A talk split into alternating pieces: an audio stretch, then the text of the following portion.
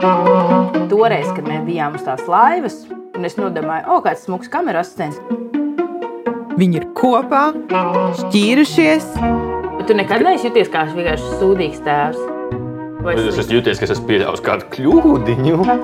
Viņi ir divatā vai trijotā, un viņiem visiem ir bērni. Gribās jau to bezatbildību. Man arī gribās. gribās bet, uh, Bet mēs vairs nekad viņu nedabūsim. Tas man bija tā būs. Nav tik traki. Nu. Es esmu Agra Lieģa Doleško. Mani sauc Marta Herca. Un šis ir Latvijas radio podkāsts Normāla ģimene. Čau, Agra. Čau, Marta! Pirms mēs sākam klausīties pirmo sarunu, gribējām pateikt pāris vārdu, lai jūs nedaudz sagatavotu. Tātad podkāsts normāla ģimene. Ko mēs te darām un kāpēc normāla? Vai tad nenormāli nebūtu labāk? Mēs ļoti daudz ikdienā dzirdam un sajūtam, ka ir šis kaut kāds etalons, kuram mums būtu jālīdzinās savā ģimenē, kur ir laulība starp pretējiem dzimumiem un tikai viens partneris. Un labāk droši vien vairāk par vienu bērnu, kur sieviete uzņemās uh, rūpes par bērnu primāri. Un, uh, Jā, un mēs paši arī dzīvojam citā realitātē. Un, ņemot vērā lielo dažādību, kas Latvijas sabiedrībā ir, mēs meklējām cilvēkus, partnerus, kas ir gatavi viens ar otru atklāti parunāt par savu ģimenes dzīvi, pastāstīt par iemīlēšanās trakumu, bērnu plānošanu un neplānošanu, par dažādām krīzēm un centieniem tās pārvarēt. Svarīgi piezīmēt, ka tās nav intervijas. Tās arī nav pamācības bērnu audzināšanā. Jūs nedzirdēsiet padomus, kā uzlabot savu laulības dzīvi. Šī drīzāk ir jūsu iespēja nemanītiem ielavīties kādā virtuvē, pieglausties pie sienas un gūt pavisam jaunu, likumisku stalkošanas pieredzi. Laiks pirmajai sarunai. Mēs to nosaucām. Tu redzi visu citādi. Šajā sarunā piedalās Mikls un Zanda, kuri satikās kino vidē. Zanda tajā darbojās vēl joprojām, bet Mikls ir karjeru mainījis. Viņiem ir trīs gadus veca meita, un neskatoties uz grūtībām, ko sagādāja gan tikšana pie bērna, gan bērnkopība, viņš šobrīd domā jau par otru bērnu. Klausāmies! Priekš manis mūsu satikšanās bija tad, kad tu vēl nemaz nezināji, ka mēs satikāmies. Lai gan es arī tad vēl īsti nezināju, jo toreiz, kad mēs bijām uz tās laivas, un es nodomāju, o, kāds smags kameras asistents, Un kur tas jau bija gadus desmit atpakaļ. Vēl pirms mēs satikāmies pa īstam. Nu, jā, bet tad es pirmo reizi tevi ieraudzīju, un es paskatījos tev Facebookā, un es paskatījos, ka viņš ir sadarināts. Bet es jau biju tāds sadarbinājies. Jā, Ah. tev rādījās engaged. Varbūt in a relationship, es neatceros. Bet tā, es nodomāju, tā, nu jā, pf, un tā es, protams, arī aizmirsu par tevi. Bet tu arī nebija tikko izšķīrusies no puikas. Tev arī īsti neko negribēji. Es jau sākumā jokoju, mums ir fun and games. Bet pēc tam es ļoti nobijos, pēc, ka tas vienkārši ļoti ātri kļuva ļoti intensīvi. Es atceros, ka tas bija tik intensīvs. Es vienkārši domāju, ak, mans dievs, šis nav čālis piekdienas vakaram, kurā es vienkārši investēju tik daudz. Uh, Sava laika, jo mēs laiku sarakstījāmies, visu laiku kaut ko ņēmāmies. Man likās, ka, ak, Dievs, man ir jābēg no tā ļoti ātri un ļoti tālu. Nu, jā. Es atceros, kad man iesita ļoti tāds, uh, ka šis ir kaut kā nopietnāk nekā es to visu biju domājis, tad, kad uh, es biju pie tevis. Tad es zīmēju, kurā tu biji uzzīmējis manu istabu un kā tavas mēbeles, tavs datorgalds fitot manā istabā. Ah, jā, tu, tu prasīji, jā, kur, kur nu tu, jā, jā, jā, to es atceros, ka tu teici, man, ā, jā, tur nav vietas. Nebija tā, ka es vienāds ar, hei, es izplānoju, kā es tagad tavā dzīvoklī skolotošu. Man liekas, ka tā bija. Tas ir tas, kā es to atceros. Ka mums ir, domāju, ka finansiāli izdevīgāk būtu neīrēt divus dzīvokļus. Tā tas bija. Es atceros, tas bija ļoti racionāls, ekonomisks lēmums. Un tam nebija nekāda sakara ar mīlestību. Nē, nu kāda nemīlestība, jo tur bija vienkārši mīlestības rezultātā vajadzēja racionāli arī sakārtot pārējo. Jo es atceros, bija tas, ka tu, tu pie manis dzīvojies, dzīvojies, tāds, oh, man laikam jāiet mājās, man vairs nav nevienas apelsnes. Es atceros tos Ziemassvētkus, kad mēs bijām pie manis. Es atceros, ka tu biji pie mums mājās uh, Garkalnē, kad tu teici, Tas jau bija Ziemassvētkus. nē, pirms tam, kad mēs bijām pirmo reizi aizbraukuši. konkrēti. Es atceros, kā mans tēvs paskatījās, ka tu apliki roku. Un tu pat neapliki manu roku, tu vienkārši apģērbi Uz tā jā. Un es jau atceros, ka viņam jau bija tāds. Nu, es domāju, ka tālāk nāks uh, puiši.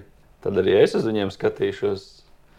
ar nosodošu aci. Zinot, kādi ir tie vīrieši un ko viņi grib no tām meitenēm. Jā, bet tu manai mammai teici, o, es te pilnīgi redzu Ziemassvētku eglītī, kurā varētu skriet mūsu bērni. Un gan es. Kāds, tad es jau tādu Jā.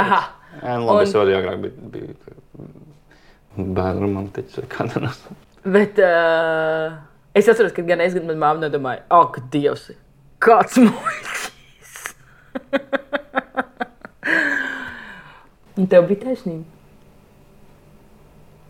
Atceros Ziemassvētkus. Tavs frikārtu pelēšus par 12 eiro. Vai tu to neatceries? Es, es, es, zinu, es zinu tikai, ka tu man teici, ka tu saprati, tad, kad man mīli.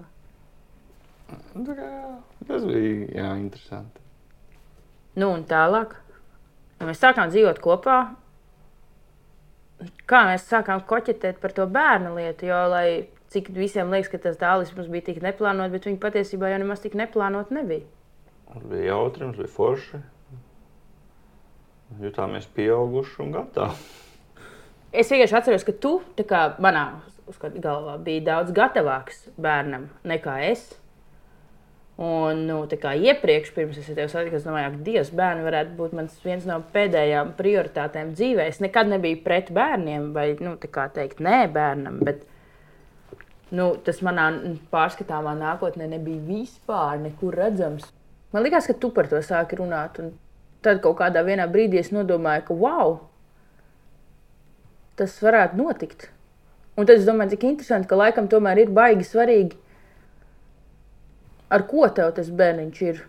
Nu, tas nav tikai tava gatavība. Tu daļai teici, ka tu ne, nejūties gatavs un ko. Un es vienkārši teicu, bet ne, neviens jau nekad nav gatavs. Tu paliec gatavs tad, kad tev viņš ir. Jā, Tad jautājums vienkārši, vai tu gribētu Jā es tā to teicu. pieredzi. Mm. Tā kā dzīve ar bērniem dzīve nebeidzās. Taču. Vai tu beidzās? Nē, Kaut kādā ziņā noteikti beidzās. nopauzējās. Kaut kāda. nu, jā, nē, nu, Kaut protams, kāda- izmaiņas ir daudz mums. Jā. Mana mīļotā, bezatbildīga runča dzīve noteikti bet, beidzās. bet, bet zini, kā? Ok, mums bērns, un tad tev liekas, ka tev beidzās. Bet bija vēl Covid, kas arī daudz ko tādu izmainīja. Taisnība. Tā kā ejam pasakot. Redz, es biju saklausījusies no kaut kādām savām paziņām un draudzenēm, nu, kad cilvēki, kas ilgi ir sēdējuši kontracepcijas, pēc tam ilgi netiek pie bērniem. un Man bija problēmas ar reproduktīvo veselību, un man nebija menstruācija. Es vispār nebiju. Es domāju, ka nu, labi, mēs vienkārši beigsim izsargāties, bet tam nav nekāda sakara ar to, ka es varētu actually palikt stāvoklī. Jo man liekas, nu, tas tā kā. Nē, nu kaut kad tas notiks, apmēram, kad es būšu to izplānojis. Atcerieties, es jau iepriekšējā vakarā, pirms es gāju pie doktora, normāli sēdēju un dzēru aliņu. Ļoti veiksmīgi un stāstīju uh, savai draudzenei Lindai. Jā, man nav tās menstruācijas, man jāiet pie tā doktora, vajadzētu kaut kā jocīgi. Un tā, bet nu, man jau nebija pusgada, tas nebija tā. Es atceros, ka es vēl smēķēju, un es stāvēju pie ginekologa kabineta, lejā tā pīpēju. Uzgāja augšā, un es viņai teicu, nu jā, mēs vairs neaizsargājamies. Viņa tā, ah, tad jūs plānojat bērniņu? Es teicu, nē, mēs neko neplānojam. Un Es Zandi, ja divi cilvēki neaizsargājas, viņi plāno bērnu. Es saku, ah, nē, nē, mēs tā nē, mēs neko neplānosim. Viņa saka, nē, nu, varbūt tev vajag kaut kādus vitamīnus padzert. Saku, o, nē, nē, mums neko nevajag tur veicināt. Es vienkārši gribu saprast, kāpēc man nav beidzis pusgadu. Tas tā kā man neliekas, beigas normāli. Un tad, kad jau viņi apstājās, un tur jau viss bija noticis. Jā, bet mēs jau toreiz arī vienojāmies, ka tas uzspēlējam loteriju. Du, jā, bet saproti. Tad, kad mēs uzspēlējām loteriju, es patiesībā nespēlēju loteriju. Nu. Nu. Saprot, es tā kā viņā biju ierakstījis savu vārdu, uzvārdu, bet es patiesībā viņā nepiedalījos. Tik tu pied, tev, zini, tev piedāvā, o, piedalies loterijā, var mainīt mašīnu. Nu, tu iemet to savu biļeti, un tev ir pilnīgi skaidrs, ka tu to mašīnu nedabūsi. Un man bija šī, šī versija, ka, ok, labi, spēlējam to loteriju, tā vairs jau nekas nebūs. Tā vēl bija jauna un naiva. Jā, es jau tagad esmu jauna un naiva. Nu, jā, un es atceros, kādā šokā es biju, kad viņi bija uz stāvoklī. Un es izgāju ārā, un es domāju, ko man te darīt. Un es domāju, vajadzētu uzpīpēt. Un tas tā, oh, es taču es nepīpēju, es esmu stāvoklī. Es, kā, es, gāju, es atceros, ka es gāju ar kājām mājās pār vanšu tiltam, ja es biju tādā šokā. Un tad es reiz piezīmēju tev. Mm. Piezvanīja, pateica faktu. Man bija tāds, mm. ok. Jā, es redzēju, ka man patīk īsti cigaretes. jo tajā brīdī vienkārši sagribējās tas stress tā uzkāpa, ka, ka tā gribējās uzpīpēt kaut, kaut ko. Es arī biju ļoti priecīgs, ļoti sastresojies. Bet baigi nevarēja tajā kavēties, jo man bija baigi jākoncentrējas tajā dienā uz darbu. Tas bija forši, man liekas. Līdz mūsu pirmajām analīzēm. Līdz analīzēm. Patiesībā jau pats sākums bija traks. Es atceros, ka dienā, kad man vajadzēja braukt ar uh, valdes zelmiņu uz Daugavpili, man sākās kaut kāda smērēšanās. Tas man bija kaut kāds tāds šoks. Un man doktora aizgāja atvaļinājumā. Man, es pierakstīju uzreiz nākamajā dienā, jo es biju Daugopilī. Es nevarēju iet tur uzreiz kaut kur slimnīcā. Turklāt man esmu tikko stāvoklī. Es nevaru visiem tiem cilvēkiem teikt, ka es esmu stāvoklī un vienkārši kaut kāds sviests un tas tik bailīgs un nobijies. Un, un es nākamajā dienā aizgāju pie tā doktora. Viņa pateica, ka sirdspūksti nav un ka tā iespējams ir tukša augļa ola. Man to vairs neko neatceros. Kas man jau bija pirmais pārdzīvojums, un es tā ļoti raudāju. Es nesapratu, kas tas būs. un Tad viņi teica, nu, tur viss būs kārtībā, ja pie tā būs tukša augļoja. Jūs vienkārši tur vienkārši sāksies mēnešreiz. Nu, ķip, nu, jā, un Bet- tad viņa teica, ka jum- jums jāatnāk vēl pēc piecām dienām, lai pārbaudītu, vai tur kaut kas attīstās, vai ķipa, tur viss ir tā beidzies. Un tad viņa dzirdēja jau sirdspūkstus. Okay. Bet es nesapratu, kāpēc tu man nebija līdzi. Es biju projektā. Un pēc tam viss palika tikai sliktāk. Nu, nē, nu, nu, bija melnā strīpiņa. Tā bija briesmīga melnā strīpa. Es vispār šo grūt, nu, grūtniecību atceros ar diezgan lielām šausmām. Es, ne, es, es ne, nevienu brīdi nejūtos priecīga, es sevi stresā. Es atceros, nu, labi, es atceros to, ka bija divi posmi, kad es biju prom komandējumā. Tev bija šie lielie pārdzīvojumi, un abi sakrituši. Abi viņi bija reizē, gandrīz. Jā, jā, nu tētim jau bija ļoti slikti. Tētis slimoja. Tad tev atnāca arī tas nip, ne, nevis nips, bet tas pirmais, tas Skrīnings. skrīnings ar 1 pret 6 risku. Jā, un tad doktori man uzreiz pateica, ka. To gan es atceros, kā viņi man teica, jā, ka dzēnē vajag uztraukties, tu dzemdēsi vēlreiz. O, jo viņi arī nekad nebija redzējuši tik sliktus rādītājus. Nekad. Bet viņi izties bija tad, tādiem greiziem radītājiem. Bet viņi jau nebija greizi. Viņi vienkārši kaut kā tur, nu, tur tā kā. Tas aprēķins Latvijā laikam vairs nav tik precīzs, bet redz, vienkārši tā viņas problēma bija. Kāpēc viņai nevajadzēja teikt, man, ka dzemdēs vēlreiz? Viņai to vajadzēja teikt, visp... nu, kā, viņa, viņa jau bija arī tā, kas ieteica iet pie ģenētiķa, ne jau mēs to pašu izdomājām. Nu, man bija pilnīgi skaidrs, ka es, es, es to pat negribēju kaut kādā ziņā egoistiski apspriest ar tevi, kā jautājumu par slima bērnu audzināšanu. Ja bērniņš piedzimst un tu uzzini, ka viņš ir slims, tas ir pilnīgi citādāk nekā, ja tev ir iespēja izvēlēties nelaist pasaulē šo bērniņu. Jā, es kā miglaini atceros to sarunu, ka, ka ja būs 100% zināms, ka tur būs dārzenis, tad, tad mēs negribam, nevēlamies savu dzīvi tam pakļaut. Un arī tā bērna dzīve. Nu, kāda, bērna kāda dzīve. tam bērnam tā dzīve ir?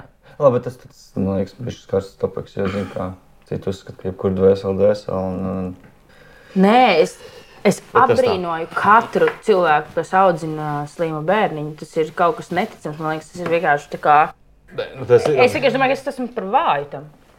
Bet es saku, es nekad nezinu to, ka mēs neesam bijuši šajā pozīcijā, kas notika, mums pie, piedzimta tālis un teikt, ka viņai ir problēmas. Bet mēs taču nekad no viņas neatteiktos. Mēs ietu un cīnītos un darītu tāpat, kā to dara mūsu kaut kādi draugi, kuriem ir kaut kādas problēmas. Vēl mēs ietu cīnītos vienkārši nu, ar zobiem un nagiem. Bet, ja man tajā mirklī bija izvēle, es, um, es tam nebiju gatava nekādā gadījumā. Mhm. Māma bija atbraukusi manis, un es vienkārši gulēju gultā. Manā māte teica, ka viņai likās, ka es pārakmeņojos. Pirmkārt, viņai likās, ka es varu vienkārši zaudēt bērniņu no tā. Un tad es aizgāju pie tās ģenētiķis. Nu, bet mēs uztaisījām niptu, tur viss bija kārtībā, un tad jau bija šis sirds palika vieglāks. Nu, jā. Un tas dzemdības arī bija kaut kas šausmīgs. Vispār baigi grūti. Kā, nā, pēc pagājušas trīs gadi ir, ir kaut kā savādāk par to runāt, bet vienādi tas man izraisa ārprātīgi daudz emocionālu,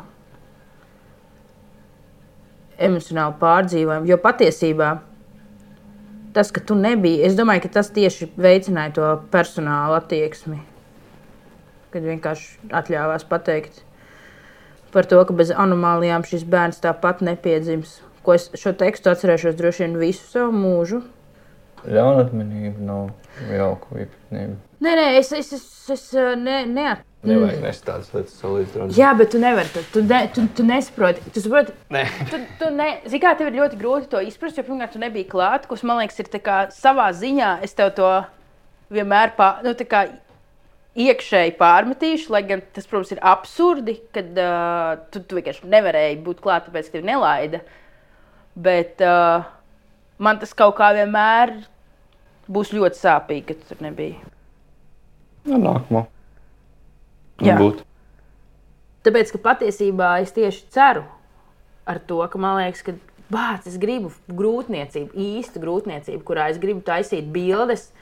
Uh, es pat pārdzīvoju par iepriekšējo grūtniecību, kad nevis es tur, tur, tur kaut kā interesanti tev pateicu, zini, tur ir tests vai tur krekliņš vai nu, kaut kāds tikpat čīzī lietas, bet uh, kas vienkārši piezvanīja un teica, o, Mikls, stāvokli. Ko man gribās tās lielās man gribās, nezinu, gender reveal ballīti vai kaut ko tikpat muļķīgu. Glorificēt to pasākumu. Nē, bet es neuztaisīju pat bildes. Es neuztaisīju bildes, un tas es neuztaisīju bildes, tāpēc, ka man visu laiku likās, ka man Alises nebūs. Un līdz ar to tas posms palātā ar viņu. Jūs varat atcerēties, ko es tev teicu? Ko es tev rakstīju? Es tur to es zvanīju uz, uz, uz, uz, uz dzemdībām. Teicu, ka tur vajag bišķiņi kaut kādu intervenciju. Man reāli vajadzēja psiholoģisku palīdzību. Es domāju, ka man ļoti vajadzēja psiholoģisku palīdzību, bet tur no ne, nu, tur, nu, emocionāls mammas atbalsts bija nulle.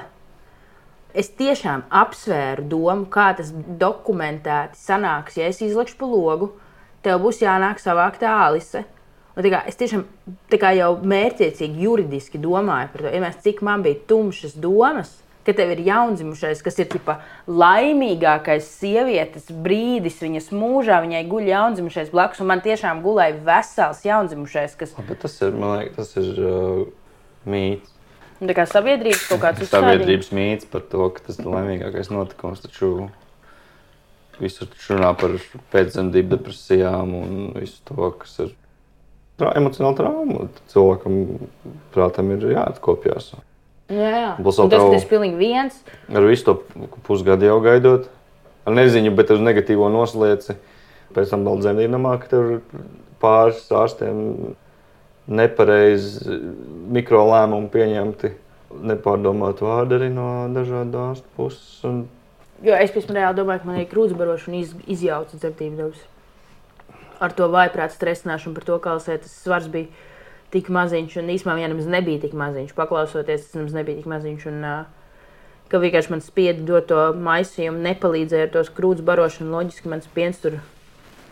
Vie- Vienīgo reizi, kad es sapratu, ka iespējams tam visam, ko dzemdību nams saka, nav jēgas, bija notikums šāds, kad um, ienāk māsiņa un saka, Mama, kas te, kas jūs galīgi esat? Bērns guļ uz muguras. Jūs vispār par pēkšņās nāves sindromu neko dzirdējis nesat. Es vienkārši, ok, kā viņai jāguļ uz sāna. Es apgūdu, labi, viņa guļ uz sāna. Viņa, protams, veļās visu laiku, viņai taču pofīgi. Es pagrie, pagriežu vēlreiz viņu uz sāna. Viņa guļ. Ienāk māsiņa, cita māsiņa. Kas jūs nezināt, ko par šīs nāves sindromu nesat dzirdējuši? Kā bērns var gulēt uz sāna? Es saku, pagaidiet, ko? Viņa viņai uz muguras jāiet un iztriecās ārā.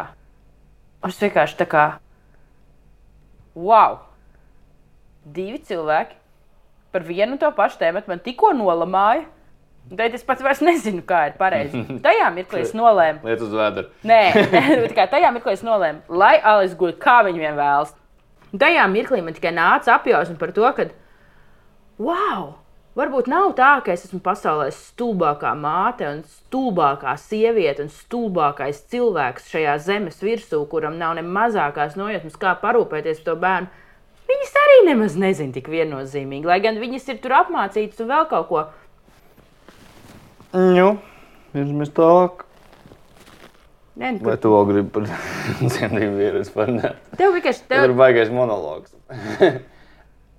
Tur nav daudz patīkamas emocijas, jāatskaita to, kad atnes bērniņu mājās un cik forši tas viss bija. Bet nu, līdz tam viss tas ir tāds, ka Jā, bet man liekas, tas tieši tas, ka mēs tā kā mēģinām to tā ā, paslaucīt. Man, jo man liekas, ka tas nu, man īstenībā- tas nav āpasauli. Es jau atceros tās problēmas vienkārši. Nu, viņās zemdēties, analizēt. Tur daudz, ka tad, nu, tā kā, tas jau ir neproduktīvi. Nu, tā kā, vai tas, kas tagad runāšu to, vai tas bija drausmīgi, nu, tā kā, jā, uz nākotnē, ejot uz priekšu, būs mācības. Ir?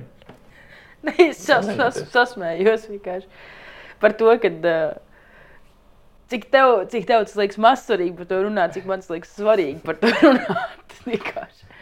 Es domāju, ka tas noteikti arī Es- kaut kā mūsu attiecības ietekmēs, jo man liekas, tā kā. Es nezinu, man liekas, ka Kad- vienreiz paņem netīrās zeķes, ieliec vēs mašīnā un izmazgā. Nevis tu paņem un rokā čamdi, osti un spēti viņas stundām ilgi.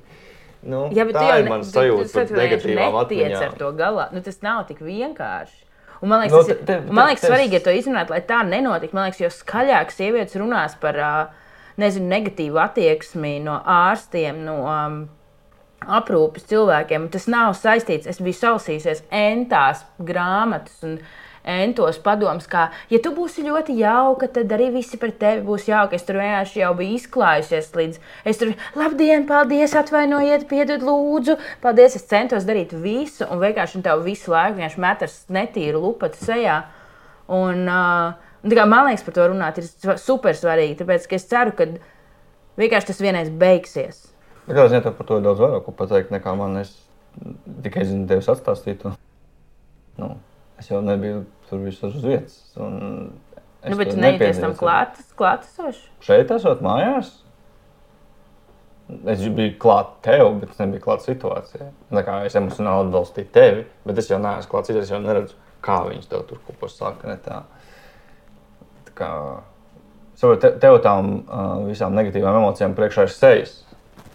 Tu atceries, tev bija konkrēta ārsta, kas tev kaut ko uzbrauc, otrē, vai, vai ne tā pateica, vai, vai izturējās tā. Tas nebija ne tā pateicīgi, tā bija vardarbība. Tas, Nu. nebija, tas, ir, tas nav tā kā uz ielas tev pasaka, ka tev ir resns dibens. Ja? Tas nav tā. Nē, okay, Tā bija reāls uzbrukums. Tas nebija. Uh, nu, man tas liekas briesmīgi, bet uh, nu, tā iznāca labs rezultāts. Mm. Un jā, un pirmo reizi es tā pa īstam laimīgi jutos.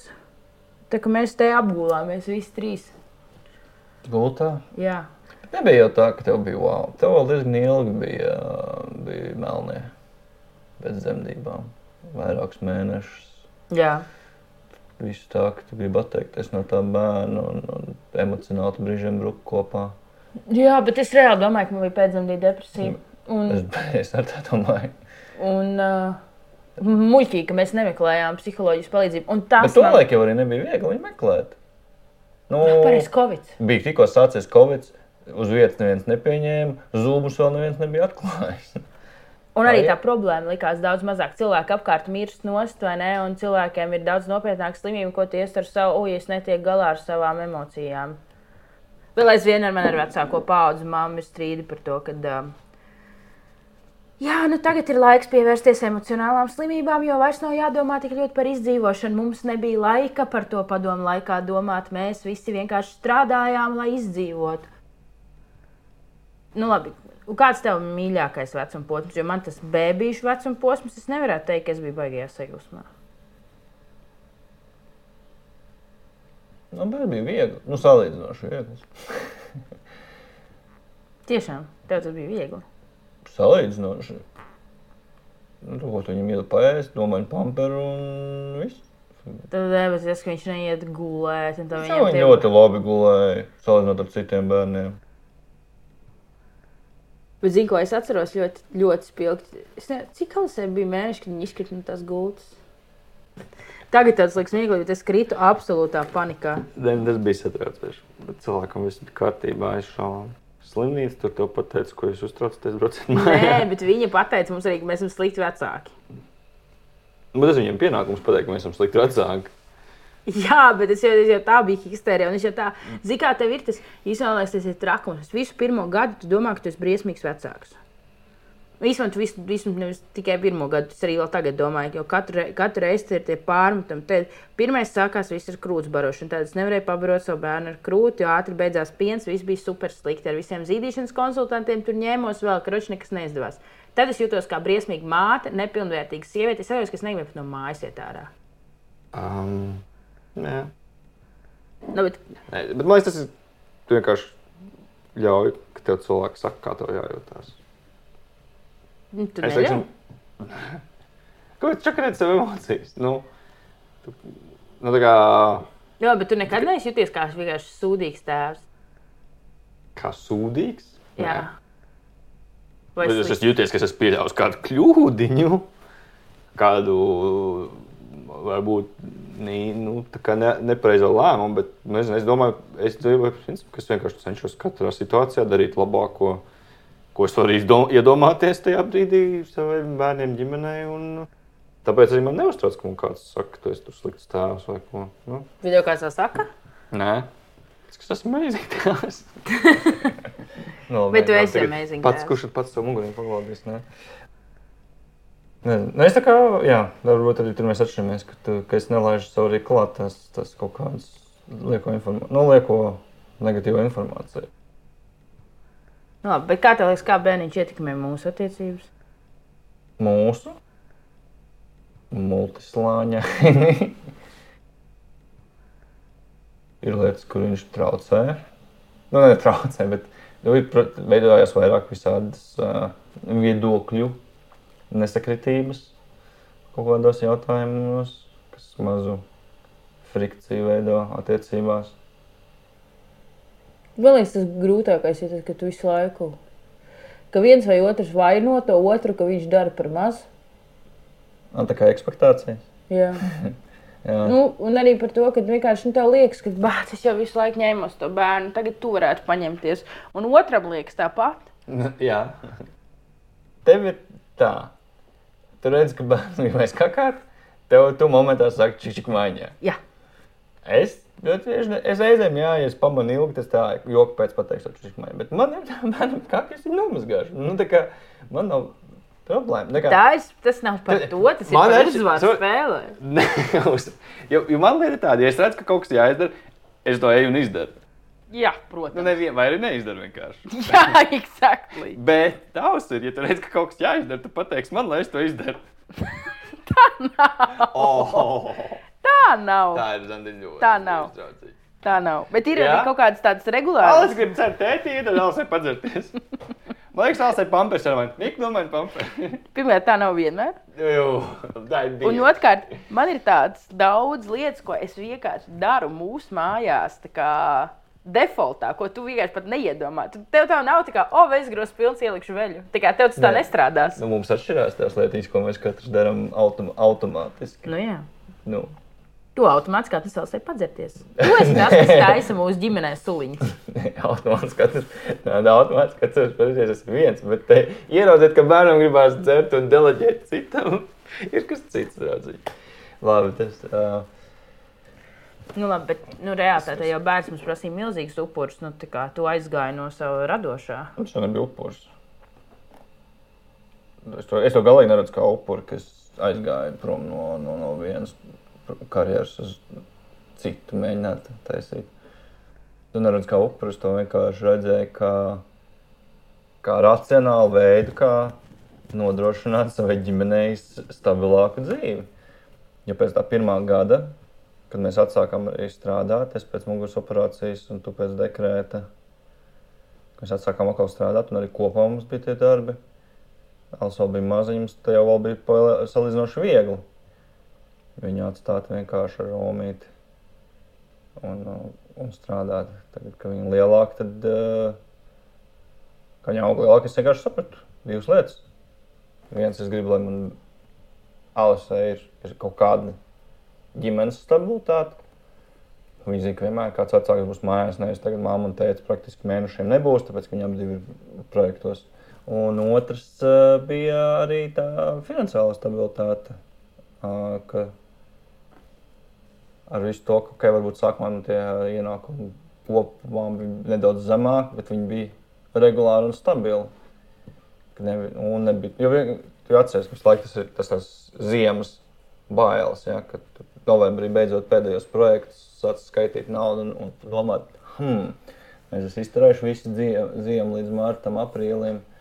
Nē, es šo tas naudu radīja ļoti lielu jau līdz martam, aprīlim tev nekas nenāks. Un, tad, eh, un, un tā ir nepatīkama situācija. Un īpaši tajā brīdī, kad, ir- kad tev ir bērns, sieva. Tu negribi piedzīvot situāciju, kad jāsaka, nu tagad mēs mēnesi ēdīsim roltonus, siltu ūdeni nelietosim, jo mums vienkārši nav naudas. Un mums viņi īsti nav kur dabūt, jo neviens šobrīd neko nefilmē. Mums nav kur dabūt darbu. Jā, man liekas, justies tik sliktai mātei, ka es vienkārši, ka es vienkārši nezinu, ļauju sev strādāt projektu darbu, kas vienkārši prasa no mūsu ģimenes uh, emocionāliem un fiziskiem resursiem nenormāli daudz. Un, nezinu, aizbraucu pagājušajā gadā uz Norvēģiju dzīvot. Un, nu, nedzīvot, bet pastrādāt. Un, uh, un viņi jau vēl būs. Protams, jā, nu, ir tā, ka viņi brīžiem ir tāda maza aizvainota puisīša sajūta, kad uh, nu, es esmu tā kā, vai nu ar bērnu, vai, vai darbā. Nu, nu, tā kā, un, un, Tu jūties kas in raksta between. atsaucīgo māmiņu formā. Ko man darīt, kad, kad vīrs svešās viesnīcās tur kā? Nē, nu, tur daudzas raksta, ka viņām nav citas dzīves, kā tikai bērns. Un... Nu, nu, jā, bet tajā brīdī, kad tev liels projekts, tad man tā arī man, man tāda sajūta veidojās. Nu, vai man tiešām nav. Nu, es nevaru neko izdarīt sev. Vienīgais laiks, lai es varētu kaut ko padarīt sev, ir kamēr bērns ir bērnu dārzā. Bet kamēr bērns ir bērns, man ir jāstrādā. un Tad man ir jāsaka, darbā. Nu, es nevaru darbā arī pateikt, hei, es, es tagad nezinu, es iešu, aiziešu uz kino teātri darba laikā, jo nu, kamēr man bērns ir bērnu dārzā. Uh, Vai arī iešu, nezinu, ar, ar rītdienu braukt, vai, Nu, vai, vai ar draugiem satikties. Un tagad, kad tev ir brīvs, tad arī gribās, zinot to, cik intensīvs ir, ir, ir, ir, ir, kinodarbs. Gribās arī tev ļaut, ka tu savā brīvajā dienā aizēji ar draugiem uz kafejnīcu vai, vai nezinu, uz kādu manikīru vai ko. Nevis es te tagad "Ā, sēdu mājās ar bērnu. Un Nu tad, jā, jā, bet tad es- sanāk arī tavs brīvdienas, man joprojām ir īsts ar bērnu. Nu, jā, bet es, es dažkārt jūtos par to šausmīgi vainīgu. Nezinu, bet, eh, nu, nē, es saku, reizēm uznāk tāds nu, apbežotības sajūta. Tas nav tik traki. Nezinu, es jūtos, es saku, pēdējais, ja mēs bijām tiem kino, kinošņikiem ārā izgājuši pēc filmēšanas. Un man vienkārši satiek viens no mūsu draugiem, un viņš vienkārši prasa, ko tu neesi mājās ar bērnu? Tā kā kādā sakarā. Un es domāju, ko, ko tas nozīmē. Tā kā mammai defaultā ir jāsēž mājās, es vienkārši nesaprotu par to. Daudzi man saka, oh, Miks ir mājās ar bērnu, un tu tā vienkārši strādā kā traka, kā dievs. Es tā nevarētu, vai vēl kaut ko. Es nesaprotu šo. Es nezinu, nu, man liekas, bet tā arī vienkārši kaut Bet tu to neizjūti. Tev neviens neko nesaka tā, ka oh, tikai ar bērnu viņam iesako tādu. Nē, nē. Neko- Vienkārši nekomunicēju ar cilvēkiem vairs mājās. Un Alisē vēl par to nav viedokļa. Tiesa izklausās tik slīvi. Jo es pat Ups, darbā jūtu par to nosodījumu. Ja es atceros, sā- sāku tad strādāt, kad Dēls bija 5 mēneši. Kad mēs Vai- filmējām jā. Junkravu un māma Valmjerā staigāja apkārt vienkārši ar kultūras namu un dzīvoja viesnīcā ar mums. Tā jau labi viegli, tad Alisē vēl nebija viedoklis. Es esmu tik interesanti. Tev visu laiku liekas, ka rallis bija viegli, un man visu laiku liekas, ka rallis bija grūti. Ka ir kāds sviests. Vēl tagad man liekas, ka viņi ir. Vienkārši ir sākusies trīsgadnieku krīze. To sapratu vakar. Kāda krīze? Ir sākusies Viņa ir trīsgadnieku beigusies krīze. jau. Tu visu, tu visu to trīsgadnieku krīzi nostrādāji. Oi, Zandra, viņi tagad pēdējās, pēdējo mēnesi viņi daudz vieglāk nekā ar viņu bija pavasara sākumā. Tad viņai bija. Bet tad viņiem bija droši vien emocionāla trauma par to, ka tā mamma nav. Ne? Es nezinu, kāpēc tā liekas kaut kāda krīze. Kas cilvēkam krīze, tas, ka cilvēkam vienkārši nenāk miegs un viņš padauzās. Tā nav viņa padauzās. Nu, nebija tik traki. Tev tu atceries trakāk vakardien nekā tur bija. Nu, varbūt. Man priekš sevis man nācās ļoti daudz ko salauzt. Es tā domāju, kopumā. Nu, tā kā es biju tomēr pieredzējis dzīvot ļoti dzīvesveidu uz sevi tendētu. Nu, man liekas, nu, man vairāk salauza vienkārši mūsu attiecības nekā bērns. Kā es dzīvē daudz ko vairāk izmainīju, vienkārši sākot ar tevi satikties, nekā kad dēļ tā, ka bērns piedzima. Un kā tu domā? Nu, ko tas ir hobija? Kas pamazām vienkārši izgaisa. Bet tas ir slikti. Jā, Bet tas es jau nesaku, ka tu uz, uz labo viss mainījās. Paldies. Šis tas ir tāds, ka liekas, "Mm, žēl, bet ok. Bet es tajā pašā laikā, es, es, es, es droši vien vairāk nekā to ar zobiem un nagiem mēģinu neatteikties no savas mm. iepriekšējās mm. dzīves. Jā, nu. Jo es tā kā neesmu gatava visu atdot Alisē laikam. Es nezinu, vai tas var padarīt par nezinu, sliktu cilvēku vai sliktu mammu. Nē, Jo es vienkārši nu tā kā, kā, es Alisu uzskatu par mūsu attiecību papildinājumu. Es, es laikam neesmu tas cilvēks vai tā mamma, kas saka, viss viņa ir man dzīves jēga. Viņa ir, tā kā, viņa ir svarīgākais cilvēks Nē, nu, kopā ar tevi. dzīve nebeidzās ar bērnu. Jā, jo es, Viņu es neesmu gatava vairs nebūt zanda, es neesmu gatava vairs būt tikai mamma.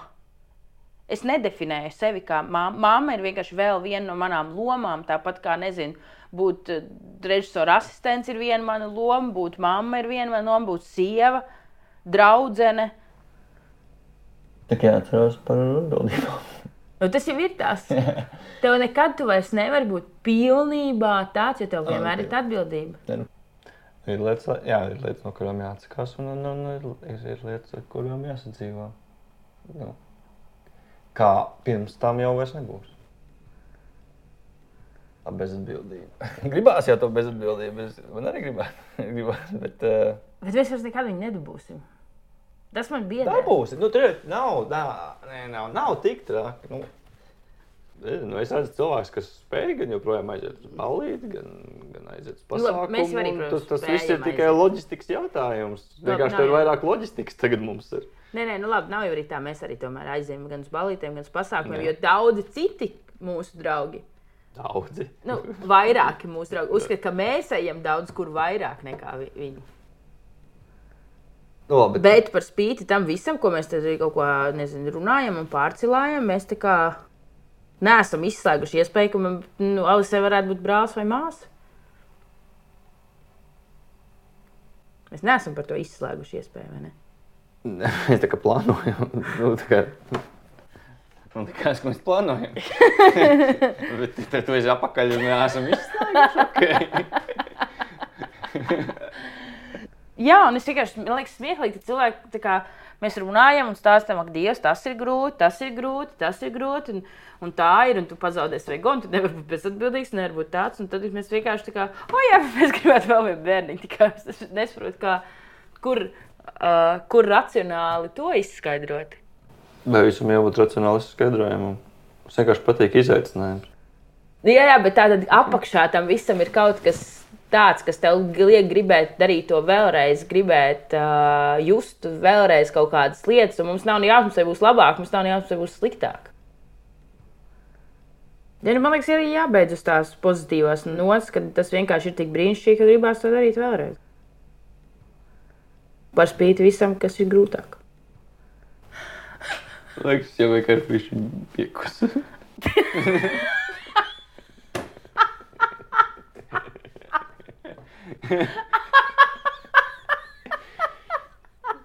Es jūtu, ka tu mēģini ievirzīt kaut kādu beigu diskusiju starp mums. Jā, Es domāju, izcils. Ja es, ja es šo segments. montētu, es, es atstātu šo, šo nobeigumu tieši tā. Es jau biju šī piekums.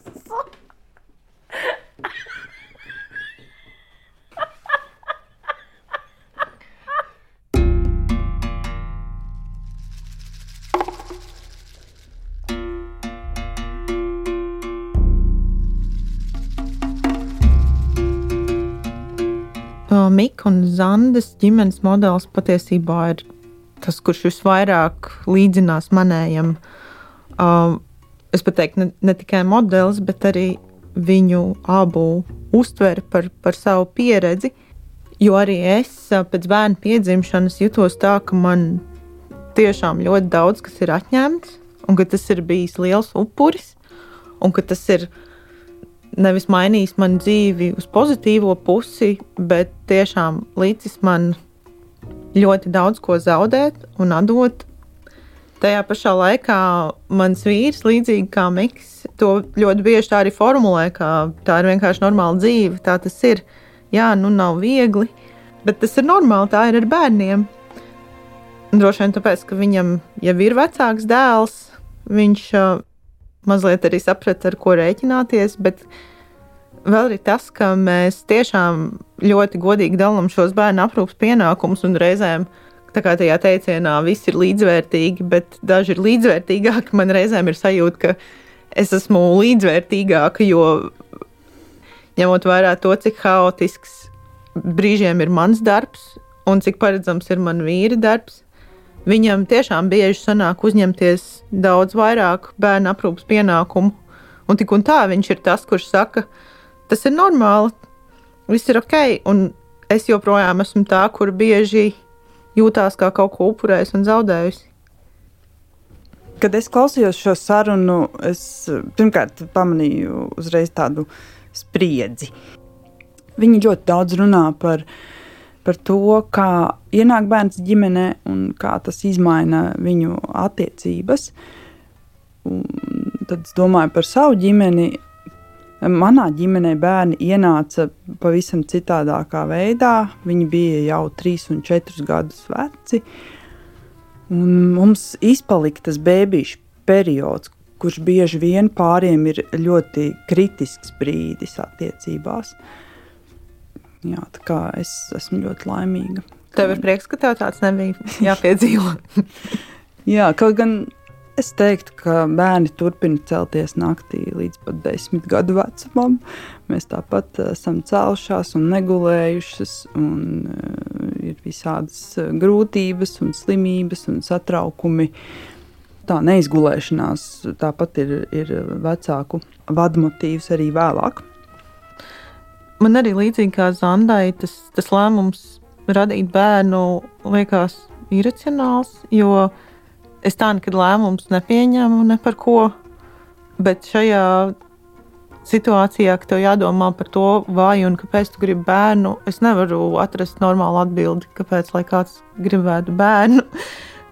Tā ir sajūta. Un, un es klausījos par to, ka viņi plāno tagad, nu jā, izrunājot visas šīs milzīgās grūtības, viņi tagad plāno nākamo. Es sapratu, nu jā, es esmu jau uh, gandrīz piektajā grūtniecības mēnesī ar otru bērnu. Principā, jūtoties ļoti līdzīgi ar pirmo. Jā, es domāju, tas vienmēr ir iracionāls lēmums, un pat ļoti racionāliem cilvēkiem ar to laikam ir jāsmierinās. Nākamā saruna būs starp trim cilvēkiem - Elīnu, Aigaru un Artūru. Elīna un Aigars ir precējušies un ir atvērtās attiecībās Savukārt Arthurs ir Elīnas bijušais vīrs. Visi četri kopā ar Arthuru jauno partneri viņi audzina nu jau četrus bērnus. Dodies uz nākamo sarunu. Podkāstu normāla ģimene veido producente Ieva Zariņa, redaktore Justīna Savicka, fotogrāfs un videogrāfs Daniels Jofe, par vizuālo identitāti rūpējas Beāta Bērziņa, skaņu operātora Nora Mitspapa skaņu režisors Ivo Tauriņš, un idejas autors un podkāstu vadītājs esam mēs, Agri Lieģi Duleško un Marta Herce.